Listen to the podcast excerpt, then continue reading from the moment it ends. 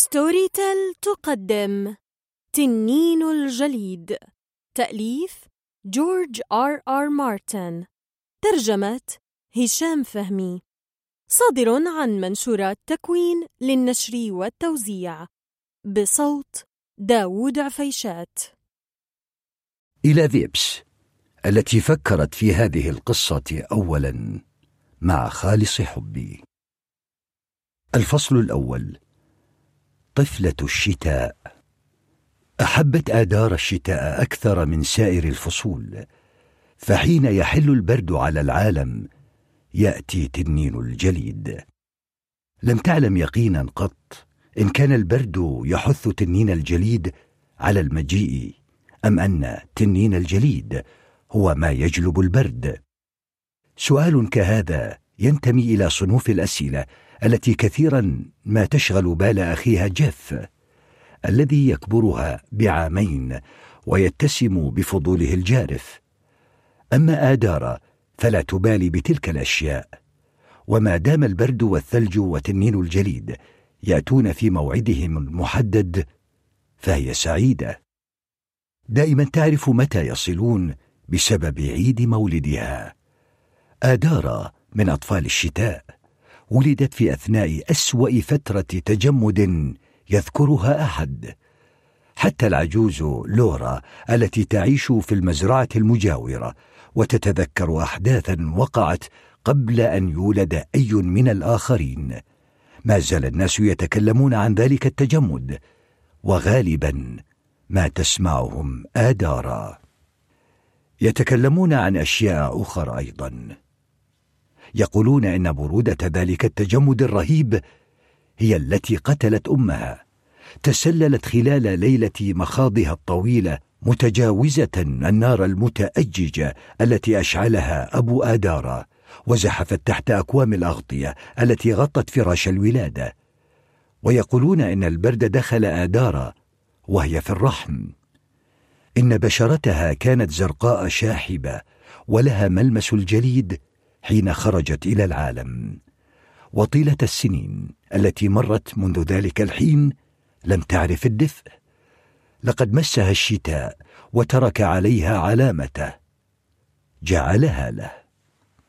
صحيح أن اداره كانت دوما طفلة تؤثر الانعزال. إنها فتاة صغيرة جادة للغاية. نادرا ما تلقي بالا للعب مع الآخرين. يقول الناس إنها جميلة.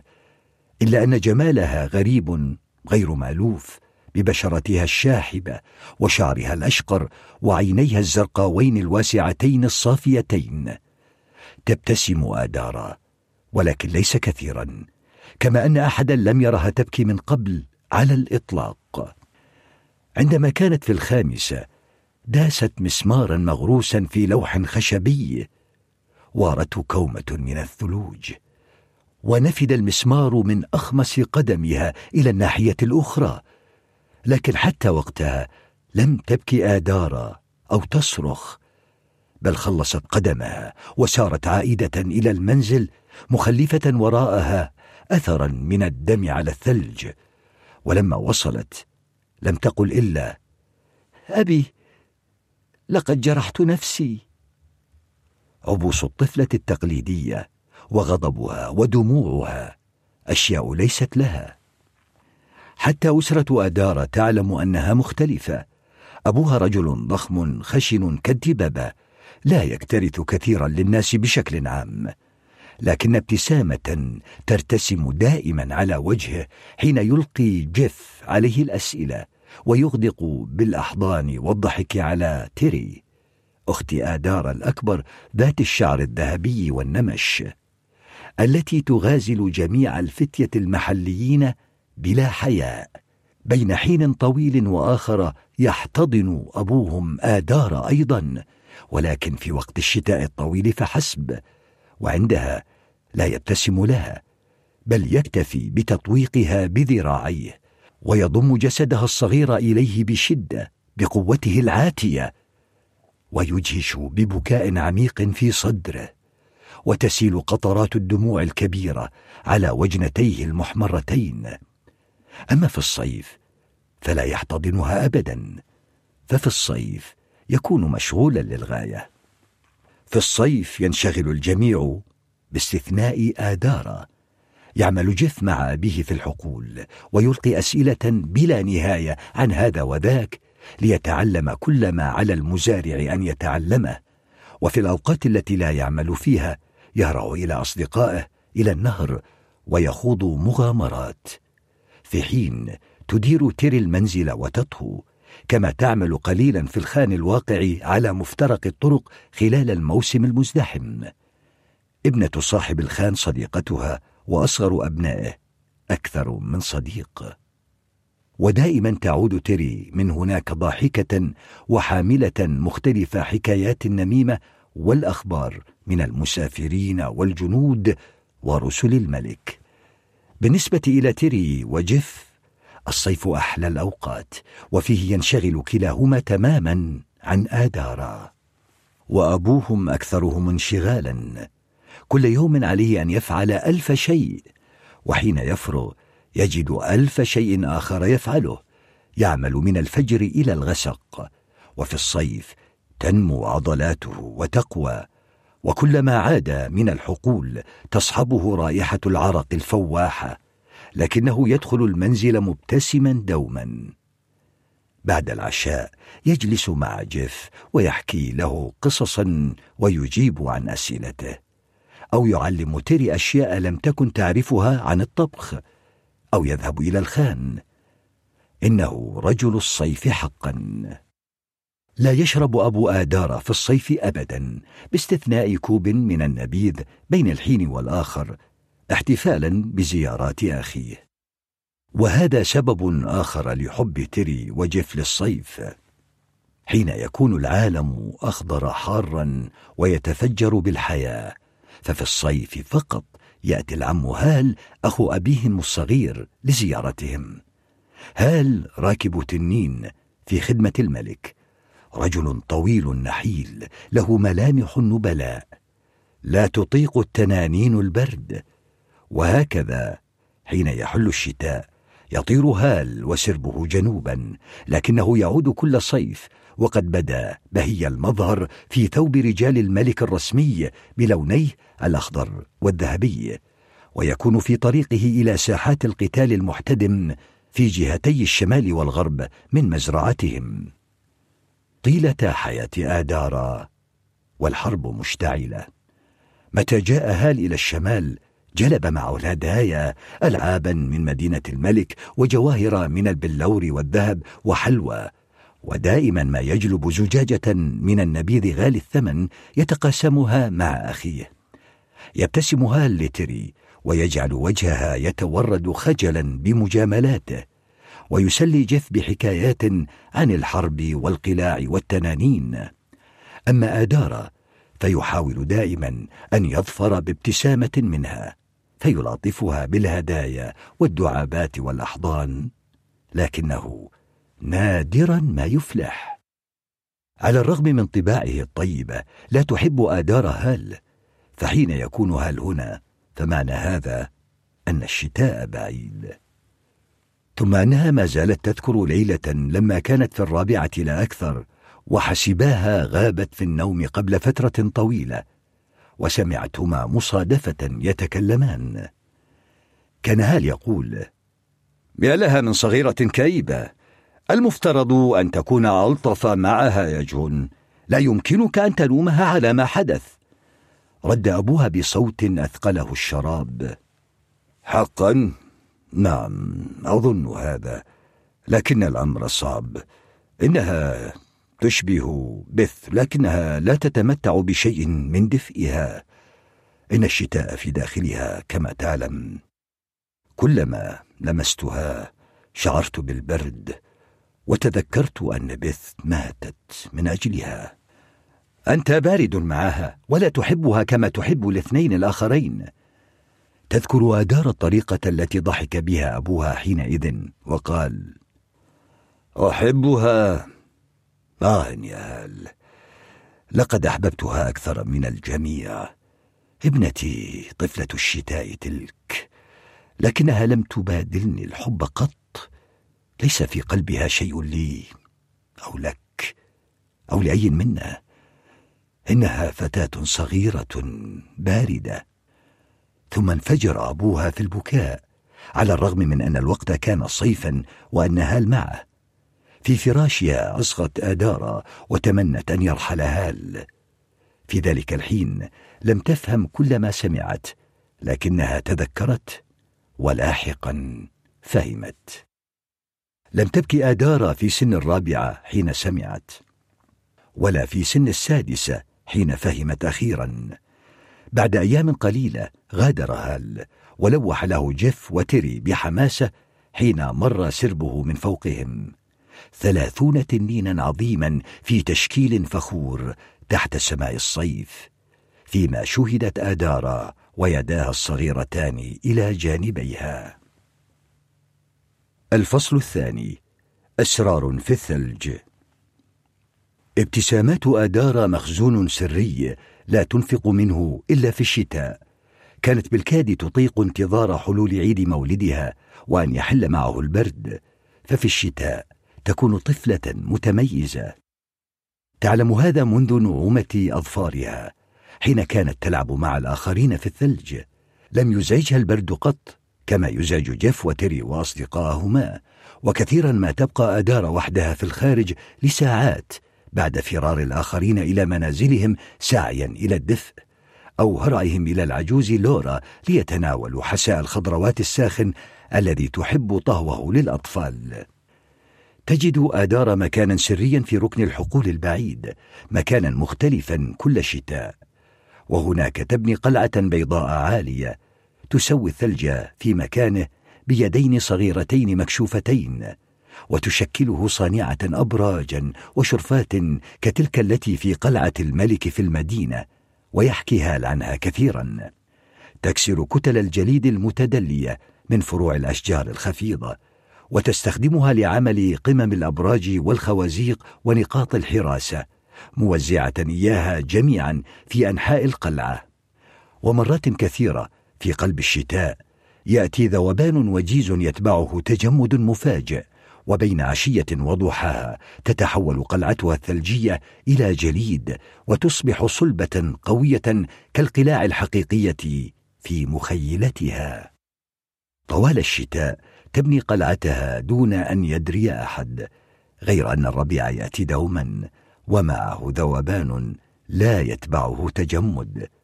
وعندها تذوب المتاريس والأسوار جميعا وتبدأ آدارا تعد الأيام حتى يحل عيد مولدها من جديد. نادرا ما تخلو قلاعها الشتوية فمع باكورة الصقيع كل عام تزحف سحال الجليد خارجة من جحورها وتجتاح تلك المخلوقات الزرق الضئيلة الحقول. تندفع من هذا الاتجاه وذاك وقد بدأ أنها تكاد لا تلمس الجليد مع انزلاقها السريع عليه. يلعب كل الأطفال بسحال الجليد لكن الآخرين خرق قساة فيقسمون الحيوانات الصغيرة الهشة أنصافا يكسرونها بين أصابعهم كأنهم يكسرون كتلة جليد تتدلى من سطح منزل. وحتى جيف الأكثر رأفة من أن يفعل شيئا من ذلك القبيل ينتابه الفضول أحيانا فيحمل السحال فترة طويلة في محاولة لفحصها. وتجعلها حرارة يديه تذوب وتحترق وأخيرا تموت. أما يدا آدارا ففاترتان رقيقتان وتستطيع أن تحمل السحالي كما شاءت دون أن تؤذيها وهو ما يجعل جيف دوما يمط شفتيه استياء ويلقي أسئلة غاضبة. أحيانا تتمدد في الثلج البارد الرطب وتترك السحال تزحف على جسدها كله وتتلذذ بلمسة أقدامها الخفيفة وهي تنزلق على وجهها. وأحيانا تختبئ بعض سحال الجليد في شعرها فيما يؤدي واجباتها. وان حرصت دوما على عدم دخول المنزل بها خشية أن تقتلها حرارة النار.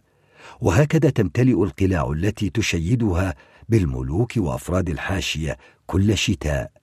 مخلوقات صغيرة ذات فرو تتسلل خارجة من الغابة وطيور شتوية ذات ريش أبيض شاحب ومئات ومئات من سحال الجليد الملتوية المتغالبة سحال باردة وسريعة وسمينة.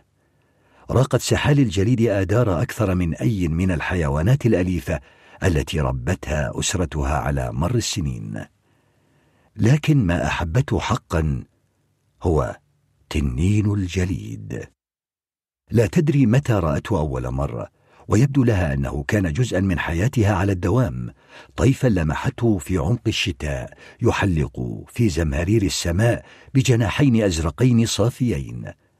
لطالما كانت تنانين الجليد نادرة حتى في تلك الأيام وحين يرى أحدها يظل الأطفال يشيرون متعجبين فيما يتمتم الكبار ويهزون برؤوسهم. فعندما تظهر تنانين الجليد في الأنحاء فهذا نذير بشتاء طويل قارس.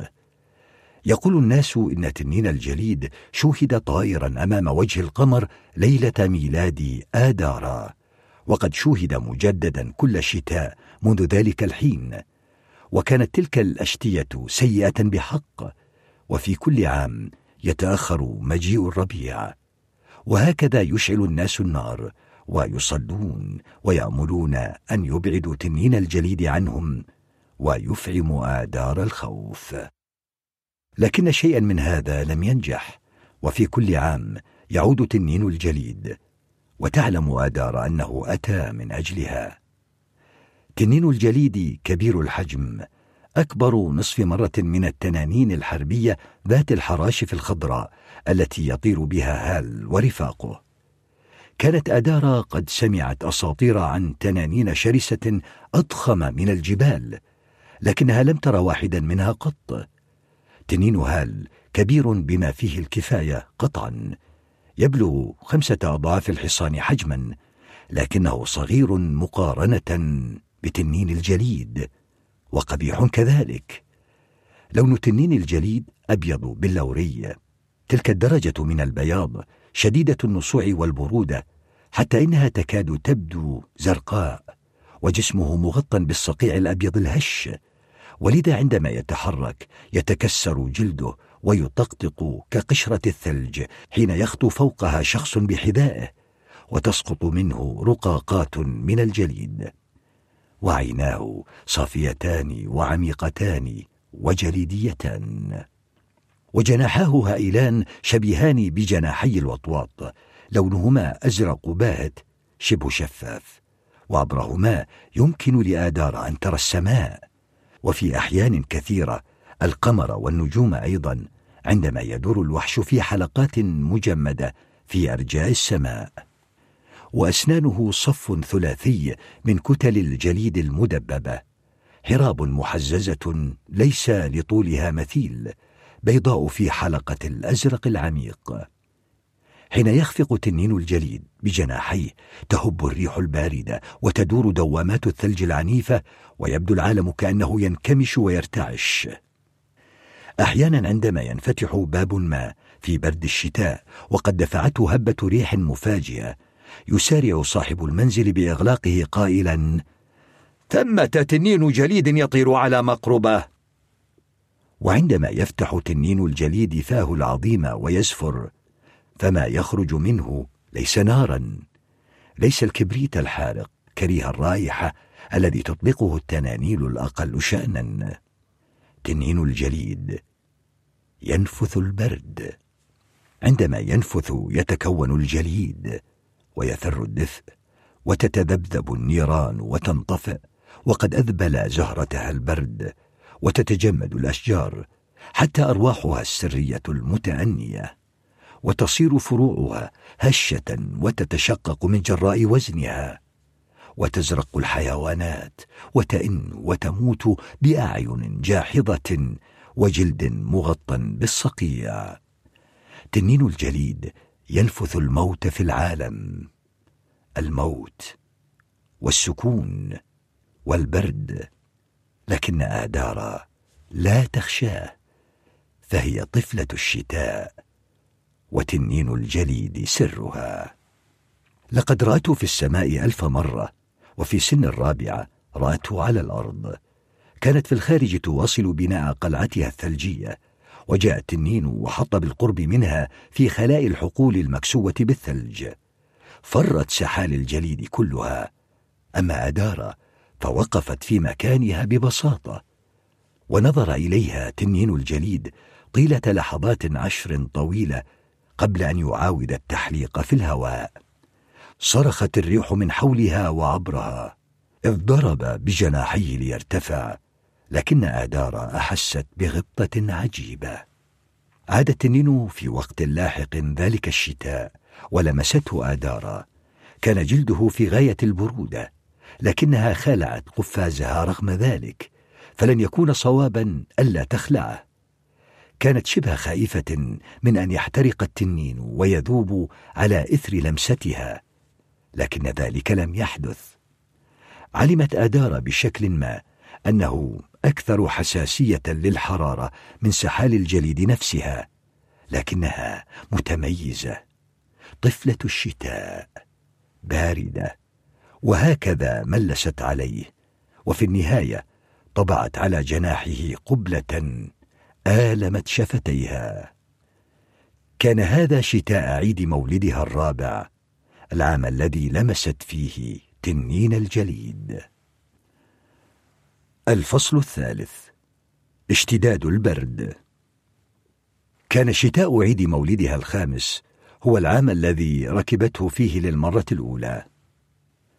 وجدها ثانية في أثناء عملها على قلعة مختلفة في بقعة مختلفة من الحقول.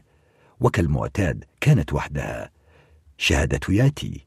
ولما حط ركضت نحوه وضمت نفسها إليه كان هذا بعد الصيف الذي سمعت فيه كلام أبيها لهال.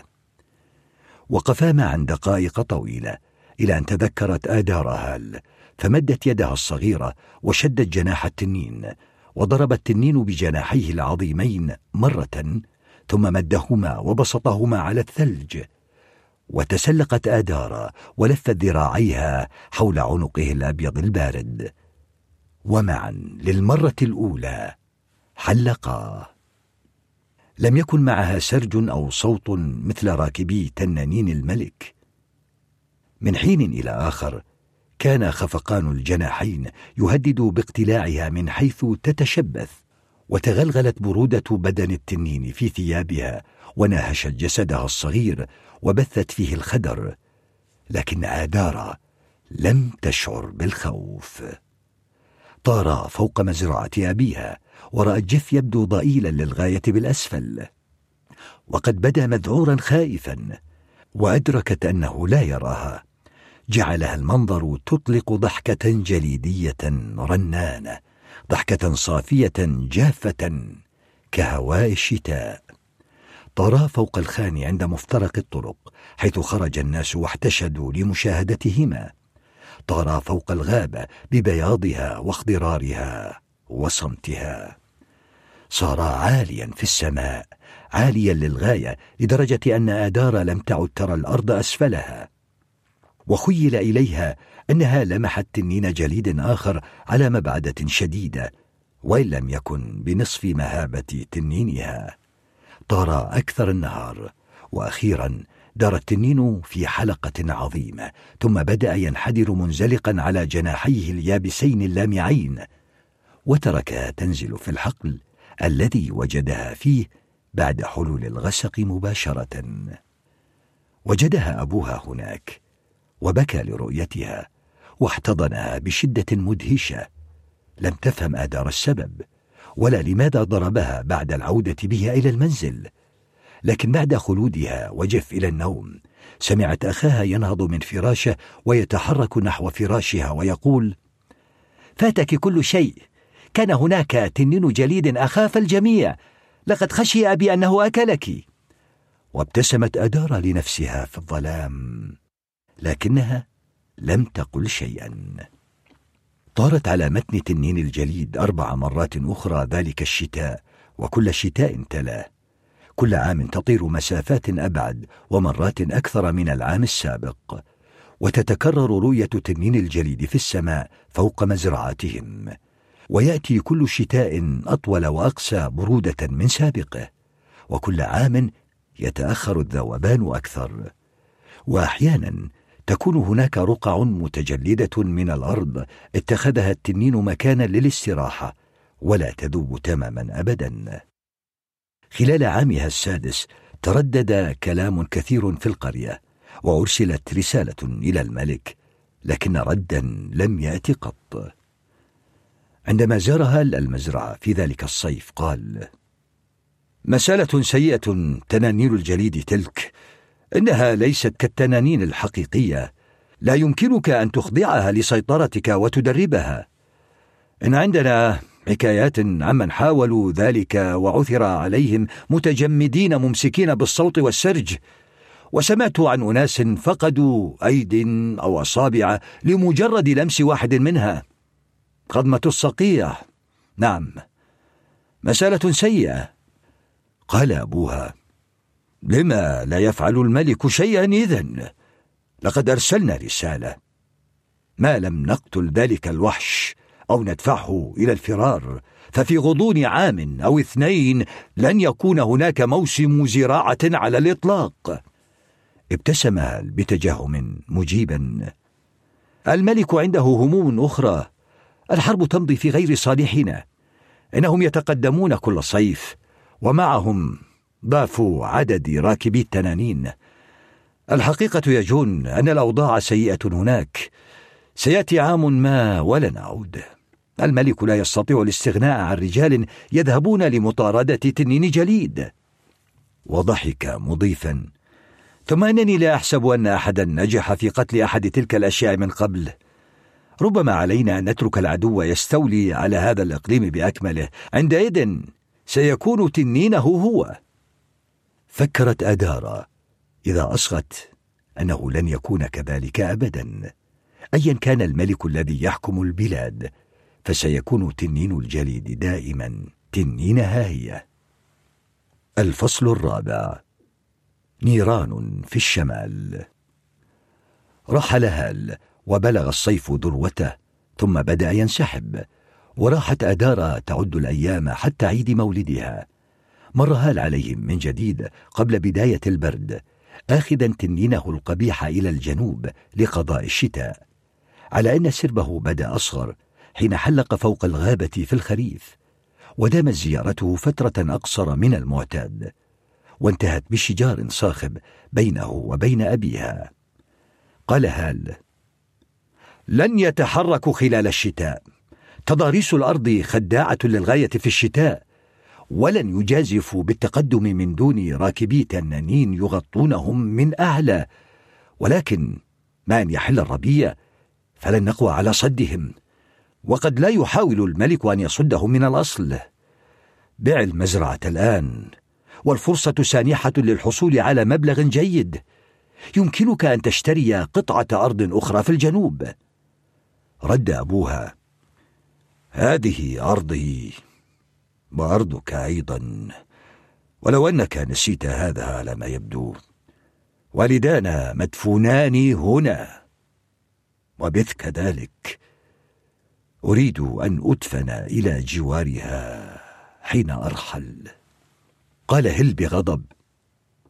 ستعجل برحيلك هذا كثيرا إن لم تصغي إليه. لا تكن غبيا يا جون. أعلم ما تعنيه لك الأرض لكنها لا تستأهل حياتك. تكلم هال وتكلم لكن أباها لم يتزحزح وانتهت الأمسية بتبادلهما السباب وغادر هال في جوف الليل سافقا الباب وراءه. وإذ أصغت آدارا إلى كلامها اتخذت قرارا. لا يهم ما يفعله أبوها أو لا يفعله أما هي فباقية. إذا انتقلت فلن يعرف تنين الجليد أين يجدها حين يحل الشتاء وإذا توغلت بعيدا في الجنوب فلن يستطيع المجيء إليها ابدا. لكنه أتاها بعد عيد مولدها السابع مباشرة. كان أبرد شتاء على الإطلاق وخلاله حلقت كثيرا جدا وقطعت مسافات شاسعة جدا حتى إنها قلما وجدت وقتا للعمل على قلعتها الثلجية. عاد هال في الربيع بسرب يضم دزينة لا أكثر من التنانين ودون أن يجلب هدايا هذا العام تشاجر وأباها ثانية واهتاج هال واستعطف وهدد لكن أباها ظل ثابتا كالحجر وفي النهاية رحل هال إلى ساحات القتال. كان هذا هو العام الذي انشقت فيه صفوف الملك في الشمال قرب بلدة ما لها اسم طويل لا تستطيع آدارا أن تنطقه. سمعت تري الخبر أولا وذات ليلة عادت من الخان محتقنة الوجه من فرط الإثارة وقالت لهم مر بنا رسول في طريقه إلى الملك. العدو ربح معركة عظيمة. الرسول سيطلب إمدادات. يقول إن جيشنا ينسحب. قطب أبوهم وجهه وجعدت خطوط القلق جبينه إذ سأل هل ذكر شيئا عن راكبي تنانين الملك؟ شجار أو لا شجار؟ هل من لحمه ودمه؟ أجابت تري سألته قال إن راكبي التنانين يحرسون المؤخرة. عملهم أن يشنوا الغارات ويحرقوا كي يعطلوا العدو فيما ينسحب جيشنا بأمان. أوه آمل أن العم هال بخير. قال جيف هال سيريهم. هو وبريمستول سيحرقانهم جميعا. ابتسم أبوهم قائلا هل يستطيع العناية بنفسه دوما؟ على كل حال ليس هناك ما نستطيع أن نفعله. تري إذا مر المزيد من رسل الملك فسليهم عن الأخبار. أومأت برأسها دون أن ينجح قلقها في إخفاء حماسها بالكامل. فالمسألة كلها مثيرة للغاية. خلال الأسابيع التالية خبت الإثارة وقد بدأ أهل المنطقة يستوعبون فداحة الكارثة. ازدحم طريق الملك العمومي بالعابرين أكثر فأكثر. تتدفق الحركة كلها من الشمال إلى الجنوب ويرتدي المسافرون أجمعهم الأخضر والذهبي. في البداية كان الجنود يسيرون في طوابير منضبطة يقودهم ضباط يعتمرون خوذات ذهبية. لكن حتى حينها لم يكن في منظرهم ما يبهر. بإرهاق تقدمت الطوابير وبدت الأزياء العسكرية ممزقة متسخة والسيوف والرماح والفؤوس التي يحملها الجنود مثلومة وكثير منها ملوث. بعض الرجال فقد أسلحته وساروا مترنحين خوال الوفاض بغير هدى. أما قوافل الجرحى التي تبعت الطوابير فكانت في أغلب الأحيان أطول من الطوابير نفسها. وقفت آدار فوق العشب على جانب الطريق تشاهدهم يمرون. رأت رجلا بلا عينين يسند رجلا بساق واحدة ويمضيان معا. ورأت رجالا بلا سيقان أو بلا أذرع أو بلا هذه وتلك. ورأت رجلا شجت رأسه فاس. ورجالا كثيرين يغطيهم الدم المتخثر والأوساخ. رجالا يئنون بصوت خفيض في أجوافهم وهم يسيرون. وشمت روائح رجال أجسادهم متورمة مخضرة على نحو شنيع. وقد مات أحدهم وتركه الآخرون على جانب الطريق. فأخبرت آدار أباها الذي خرج مع عدد من رجال القرية ودفنوه. أما من رأتهم آدار أكثر من سواهم فالرجال المحروقون. في كل طابور يمر كانوا بالعشرات رجال جلودهم مسودة محترقة تتساقط. منهم من فقد ذراعه أو ساقه أو نصف وجهه في لفحة من نار التنانين. أخبرتهم تيري بما قاله الضباط عندما توقفوا عند الخان ليشربوا أو يستريحوا. إن في حوزة العدو تنانين كثيرة جدا. الفصل الخامس. الرماد. طيلة شهر تقريبا تدفقت طوابير الجنود مرة بهم بأعداد تزداد كل يوم. حتى العجوز لورا نفسها أقرت بأنها لم تر قط حركة بهذه الكثافة على الطريق. بين الحين والآخر يركب رسول وحيد ضد التيار مهرولا إلى الشمال. لكنه يكون بمفرده دائما. وبعد فترة أدرك الجميع ألا إمدادات ستأتي. نصح ضابط في أحد الطوابير الأخيرة أهل المنطقة بأن يحزموا ما يستطيعون حمله ويتجهوا جنوبا. وقال منذرا إنهم قادمون.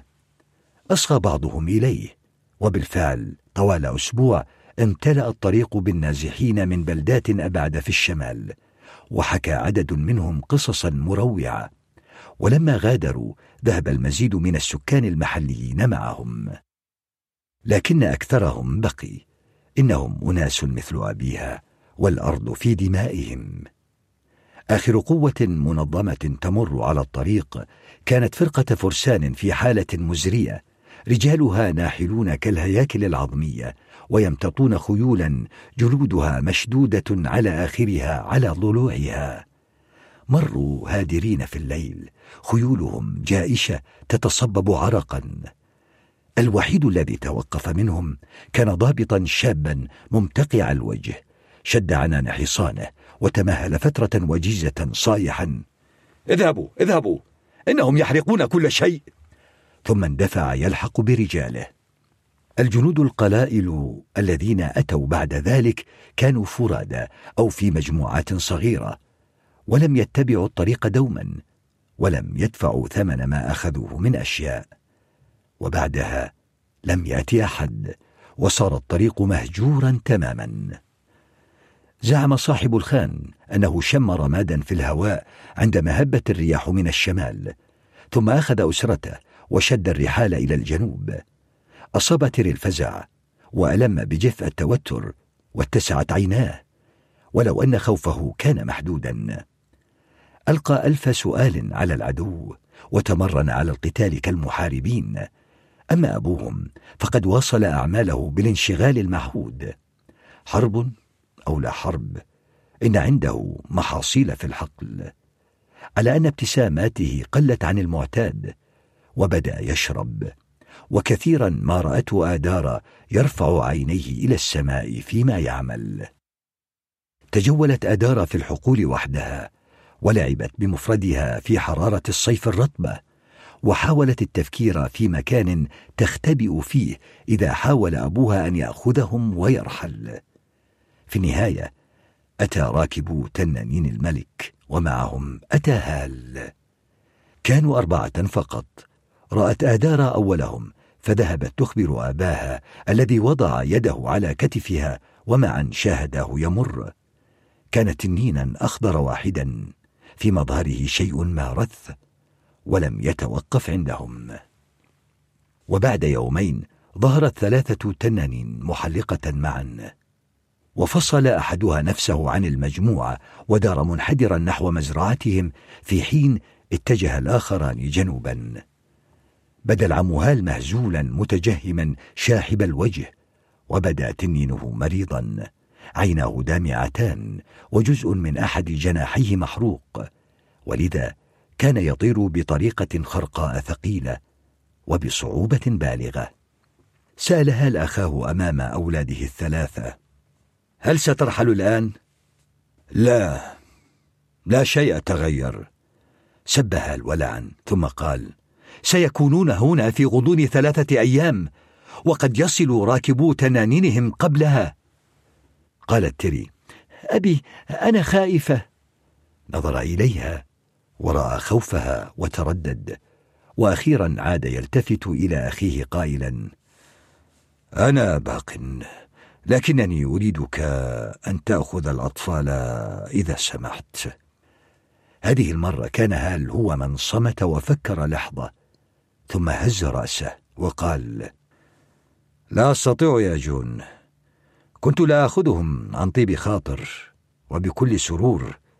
لو كان ذلك ممكنا لكنه ليس ممكنا. بريمستون جريح وبالكاد يقوى على حملي. إذا حملت عليه وزنا إضافيا فربما لا نصل أبدا. وانفجرت تيري في البكاء. خاطبها هال قائلا أنا آسف يا حبيبتي آسف حقا. وكور قبضتيه بعجز. قال أبوهم تري تكاد تبلغ. إن كان وزنها ثقيلا فخذ واحدا من الآخرين. نظر الأخ إلى أخيه وفي أعينهما اليأس. وارتجف هال وأخيرا قال أدارا إنها صغيرة الحجم وخفيفة. وأرغم نفسه على الابتسام مردفا. لا وزن لها تقريبا. سآخذ آدارة. وليستقل بقيتكم الخيول أو عربة. أو ارحلوا سيرا على الأقدام. المهم أن ترحلوا. رد أبوهم بغموض. سنرى. خذ أنت دارا وحافظ على سلامتها من أجلنا. قال هال. نعم. والتفت وابتسم لها قائلا. هلم يا صغيرتي؟ العم هال سيأخذك لركوب بريمستون؟ رمقته آدارا بمنتهى الجدية وقالت لا ودارت وخرجت من الباب وانطلقت تجري طردوها بالطبع هال وأبوها وحتى جيف. لكن أباها ضيع وقتا بوقوفه في المدخل والصياح عليها أن ترجع. ولما بدأ يجري كان ثقيل الحركة تعوزه الرشاقة. في حين أن آدارا صغيرة الحجم بالفعل وخفيفة وسريعة الحركة. ظل هال وجف وراءها فترة أطول لكن هال ضعيف وسرعان ما أصاب جف الإعياء. وإن ركض في أعقابها بأقصى سرعته لدقائق قليلة. وحين بلغت آدارا أقرب حقل قمح كان ثلاثتهم وراءها بمسافة طويلة. لم يمض وقت طويل قبل أن تختفي وسط السنابل وراحوا يبحثون عنها ساعات بلا طائل فيما شقت هي طريقها بحذر نحو الغابة. مع حلول الغسق أحضروا المصابيح والمشاعل وواصلوا البحث وبين الحين والآخر سمعت أدار أباها يزعق بغضب أو هال يناديها. ظلت بالأعلى وسط فروع شجرة السنديان التي تسلقتها وابتسمت لما رأت أضواءهم تمشط الحقول جيئة وذهابا. وفي النهاية غابت في النوم حالمة بمجيء الشتاء ومتسائلة كيف ستعيش حتى عيد مولدها؟ فما زال يفصلها عنه وقت طويل. الفصل السادس. الفرار من النار. أيقظها الفجر. الفجر وضوضاء في السماء. تثاءبت آدارا وفتحت عينيها وأغمضتهما وسمعت الضوضاء ثانية. فتسلقت إلى أعلى فروع الشجرة عاليا قدر احتماله إياها. وأزاحت الأوراق. وكانت في السماء تنانين. لم تر آدارا وحوشا كهذه من قبل قط. حراشفها داكنة قاتمة وليست خضراء كالتنين الذي يركبه هال. أحدها له لون الصدى والثاني لون الدماء الجافة والثالث أسود كالفحم وكل منها عيناه كجمرتين متقدتين. والبخار يخرج من طاقات أنوفها وقد راحت ذيولها تضرب جيئة وذهابا فيما تشق أجنحتها الجلدية الداكنة الهواء. فتح التنين ذو لون الصدأ فمه وزار وارتجت الغابة لتحديه. وحتى فرع الشجرة الذي يحمل آدار اهتز بعض الشيء. أصدر التنين الأسود ضجيجا أيضا وحين فتح فمه انطلقت منه حربة من اللهب الأزرق والبرتقالي ومست الأشجار بالأسفل لتذبل الأوراق وتتفحم. ويبدأ الدخان يتصاعد من حيث سقطت أنفاس التنين. حلق التنين ذو اللون الدموي على مقربة فوقها وسمعت أدارا صرير جناحيه المشدودين. ورأت فاه نصف مفتوح وبين أسنانه المصفرة رأت السناج والخبث. وكانت الريح التي حركها مروره نارا تلفح ورمالا يخز ريحا عاتية حكت جلدها وآلمت ودفعتها إلى الانكماش على نفسها. على أظهر التنانين ركب رجال يحملون السياط والرماح ويرتدون أزياء عسكرية تتألف من الأسود والبرتقالي وقد اختفت وجوههم تحت خوذاتهم الداكنة. أشار راكب التنين ذو لون الصدى برمحه نحو مباني المزرعة عبر الحقول فنظرت آدارا ورأت هال الذي خرج يواجههم. يضاهي تنينه الأخضر تنانينهم حجما لكنه بدا لآدارا أصغر بشكل ما إذ شاهدته يحلق إلى أعلى من المزرعة وقد بسط جناحيه عن آخرهما فظهرت جروحه البليغة بوضوح. كان طرف جناحه الأيمن متفحما وهو ما جعله يميل بشدة في أثناء طيرانه وعلى متنه بدا هال كواحد من جنود اللعبة بالغي الصغر الذين جلبهم له كهدية قبل سنوات. انفصل راكبو تنانين العدو يهاجمونه من ثلاث نواح وراى هال ما يفعلونه. فحاول أن يدور وينقض على التنين الأسود مباشرة ويفر من الاثنين الآخرين. ضرب بصوته بغضب ويأس وفتح تنينه الأخضر فمه وجار بالتحدي. لكن لسان اللهب الذي انبعث منه كان باهتا قصيرا ولم يصب العدو. أحجم الآخران عن إطلاق النار. ثم بإشارة واحدة نفذت تنانينهم نيرانها في آن واحد. وابتلع اللهب هال. اطلق تنينه ضجيجا صاخبا كالعويل ورأته آدار يحترق. كان يحترق. الاثنان يحترقان. الوحش وسيده كلاهما. وبقوة هويا ارضا وانطرحا وسط قمح أبيها يتصاعد منهما الدخان. وامتلأ الهواء بالرماد. أدارت رأسها في الاتجاه الآخر ورأت عمودا من الدخان يرتفع من وراء الغابة والنهر من المزرعة التي تعيش فيها العجوز لورا مع أحفادها وأطفالهم. ولما عادت تنظر رأت التنانين تدور هابطة نحو مزرعتها هي. ثم إنها حطت واحدا تلو الآخر وشاهدت آدار أول الراكبين يترجل ويمشي مختالا صوب باب منزلهم. كانت مذعورة مرتبكة ورغم كل شيء طفلة في السابعة وقد أرهق كاهلها هواء الصيف الثقيل وأفعمها بالعجز وعزز مخاوفها كلها. وهكذا أقدمت على التصرف الوحيد الذي تعرفه وبلا تفكير. الشيء الذي تفعله بطبيعتها نزلت أدار من فوق الشجرة وانطلقت تجري. جرت تقطع الحقول وتعبر الغابة بعيدا عن المزرعة وأسرتها والتنانين بعيدا عن كل شيء. في اتجاه النهر جرت حتى راحت قدماها تنقبضان ألما.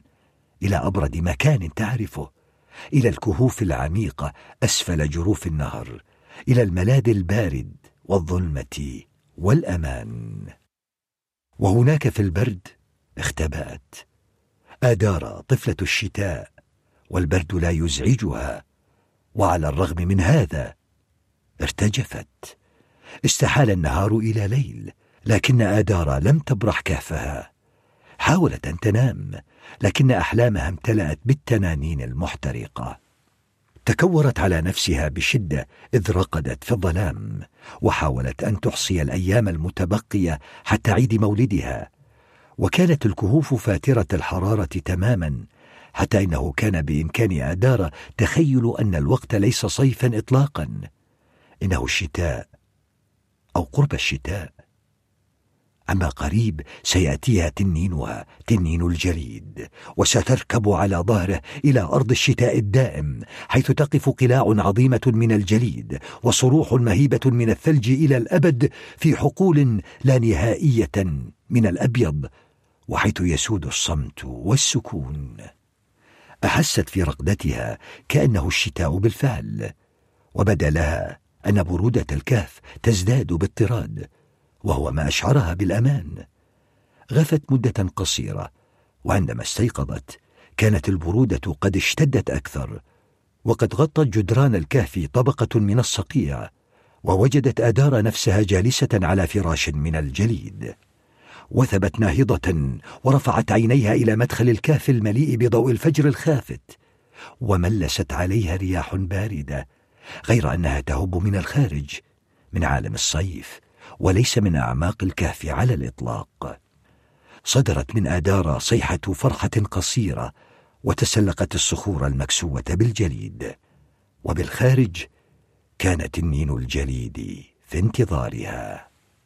كان قد أطلق أنفاسه على الماء ليتجمد النهر أو جزءا منه على الأقل. ولو أن من الجلي أن الجليد يذوب بسرعة بالفعل مع شروق شمس الصيف. وكان قد أطلق أنفاسه على الكلأ الأخضر الذي ينمو على الضفاف. كلأ يناهز آدار طولا لكن أوراقه الطويلة بيض هشة الآن. وحين حرك تنين الجليد جناحيه انقسمت الأوراق أنصافا وسقطت مجزوزة تماما كأنما قطعها من جل. لاقت عينا التنين الجليديتان عيني آدارا. فجرت إليه وتسلقت جناحه ولفت ذراعيها حوله. كانت تعلم أن عليها أن تسرع فحجم التنين الجليد يبدو أصغر من أية مرة رأته فيها. وقد جعلها هذا تدرك ما تفعله به حرارة الصيف. همست. أسرع أيها التنين. خذني بعيدا. خذني إلى أرض الشتاء الدائم. لن نعود إلى هنا أبدا. أبدا. سأبني لك أفضل القلاع كافة. وأعتني بك وأمتطيك كل يوم. فقط خذني من هنا أيها التنين. خذني معك إلى الديار. سمعها تنين الجليد وفهمها. وانبسط جناحاه العريضان شبه الشفافين وضربا الهواء وعوت ريح قطبية قارصة في أرجاء حقول الصيف. وارتفعا بعيدا عن الكهف بعيدا عن النهر فوق الغابة إلى أعلى وأعلى. دار تنين الجليد نحو الشمال ولمحت آدار مزرعة أبيها وإن رأتها ضئيلة للغاية وتزداد ضآلة. ثم أدارا ظهريهما إليها وحلقا في الأعالي. ثم إن صوتا ترامى إلى مسامع آدارا صوتا مستحيلا صوتا أبعد وأكثر خفوتا من أن تسمعه أبدا خصوصا مع ضربات جناحي تنين الجليد. لكنها سمعته رغم كل ذلك. سمعت أباها يصرخ. وجرت الدموع الحارة على وجنتيها. وحيث سقطت على ظهر التنين صنعت ثقوبا صغيرة في الصقيع. فجأة شعرت بالبرد تحت يديها أليما. ولما سحبت يدها رأت العلامة التي تركتها على عنق التنين. كانت خائفة لكنها ظلت متشبثة به وهمست له. عد أرجوك أيها التنين أعدني. لم تكن ترى عيني التنين. إلا أنها علمت كيف ستبدوان انفتح فمه وانطلق منه عمود أبيض ضارب إلى الزرقة شريط طويل بارد علق في الهواء لكن صوتا لم يخرج منه. فتنانين الجليد مخلوقات صامتة وإن سمعت آدار في عقلها صرخة لوعته الضارية. ومرة أخرى همست بصوت ضئيل رفيع أرجوك ساعدني. ودار تنين الجليد. الفصل السابع. الغضبة الباردة. كانت التنانين الداكنة الثلاثة خارج الحظيرة عندما عادت آدارا تلتهم وليمة من لحم ماشية أبيها المحترقة المتفحمة وقد وقف أحد الراكبين بالقرب منها مستندا إلى رمحه ويخز به تنينه بين الحين والآخر. رفع نظيريه حين هبت الريح الباردة صارخة عبر العقول وصاح بشيء ما وهرع إلى التنين الأسود فقضم الوحش كتلة أخيرة من لحم حصان أبيها وابتلعها ثم وثب على مضض في الهواء وراح الراكب يضرب بصوته.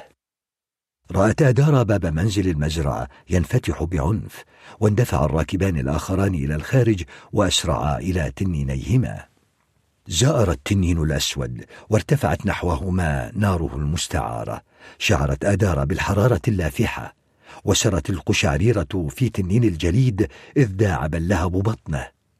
ثم إنه أدار عنقه الطويل وثبت عينيه الخاويتين المتوعدتين على العدو وفتح فكيه المطوقين بالصقيع ومن بين أسنانه الجليدية تدفقت أنفاسه الشاحبة الباردة. مس نفث تنين الجليد الجناح الأيسر للتنين الأسود كالفحم تحتهما وأطلق الوحش القاتم صرخة ألم حادة ولما خفق جناحاه انكسر الجناح المغطى بالصقيع إلى نصفين وبدأ التنين وراكبه يهويان. وعاد التنين الجليد ينفث البرد. وتجمد العدوان وماتا قبل أن يصطدما بالأرض. كان التنين ذو لون الصدأ يطير في اتجاههما. ومعه التنين ذو اللون الدموي براكبه عري الصدر.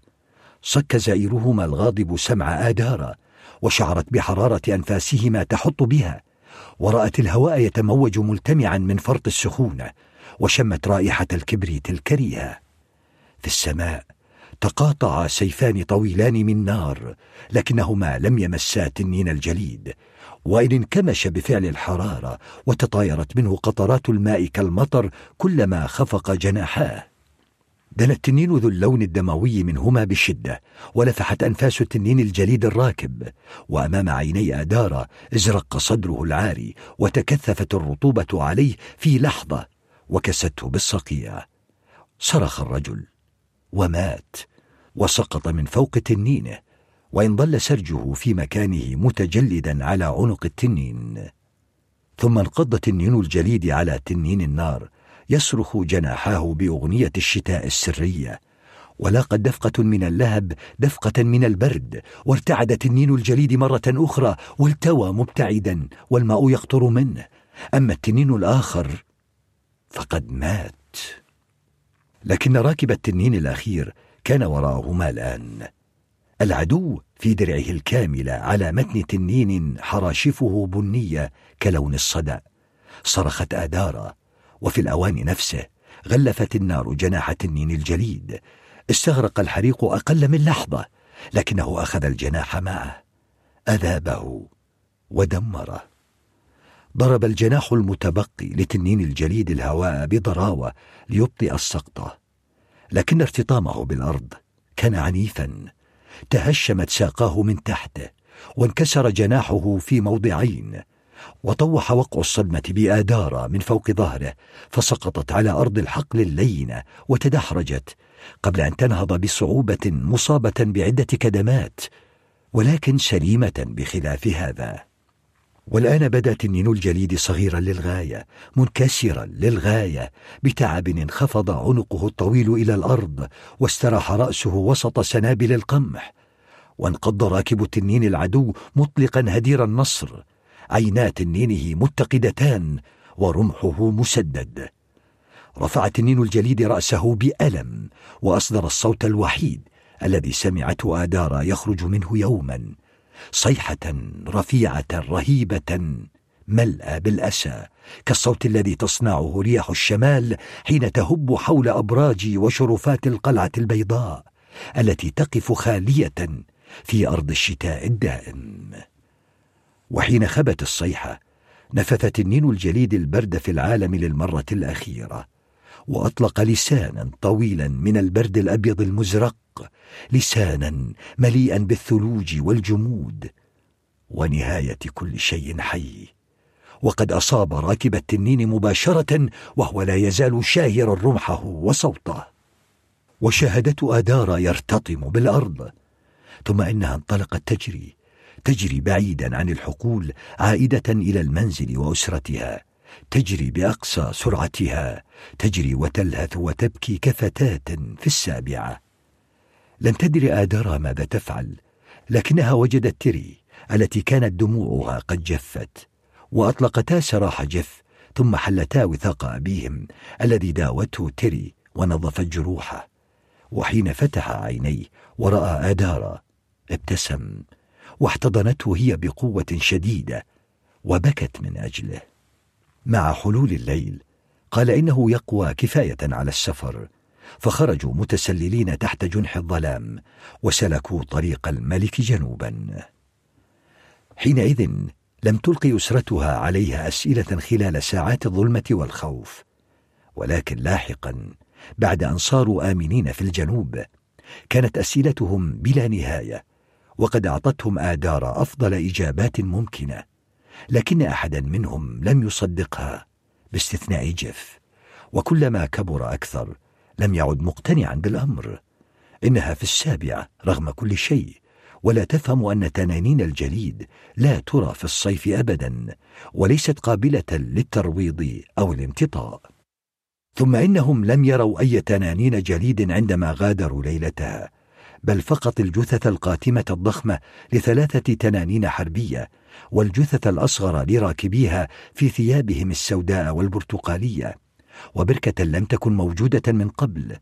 بركة صغيرة ساكنة مياهها بالغة البرودة وقد داروا من حولها بحذر واتجهوا نحو الطريق. الفصل الثامن الربيع. عمل أبوهم عند مزارع آخر طوال ثلاثة أعوام في الجنوب وقد ادخر ما يقدر عليه وبدأ سعيدا واعتاد أن يقول لآدارة فقدت هال وأرضي أيضا وأنا حزين لهذا لكن لا بأس لأنني استعدت ابنتي. لقد غاب منها الشتاء والآن تبتسم وتضحك بل وتبكي كذلك كالفتيات الصغيرات الأخريات. بعد ثلاثة أعوام من هروبهم دحر جيش الملك الأعداء في معركة عظيمة وأحرقت تنانين الملك العاصمة الأجنبية. وخلال السلام الذي تلا هذا تبدت السيادة على أقاليم الشمال مجددا. استردت تري روحها المريحة وتزوجت تاجرا شابا ومكثت في الجنوب. في حين عاد جيف وآدارا مع أبيهما إلى المزرعة. مع باكورة الصقيع خرجت سحالي الجليد كلها كما تفعل دوما. وشاهدتها آدارا بابتسامة على وجهها متذكرة ما كان لكنها لم تحاول أن تلمسها فهي أشياء صغيرة باردة هشة ومن شأن دفء يديها أن تؤذيها.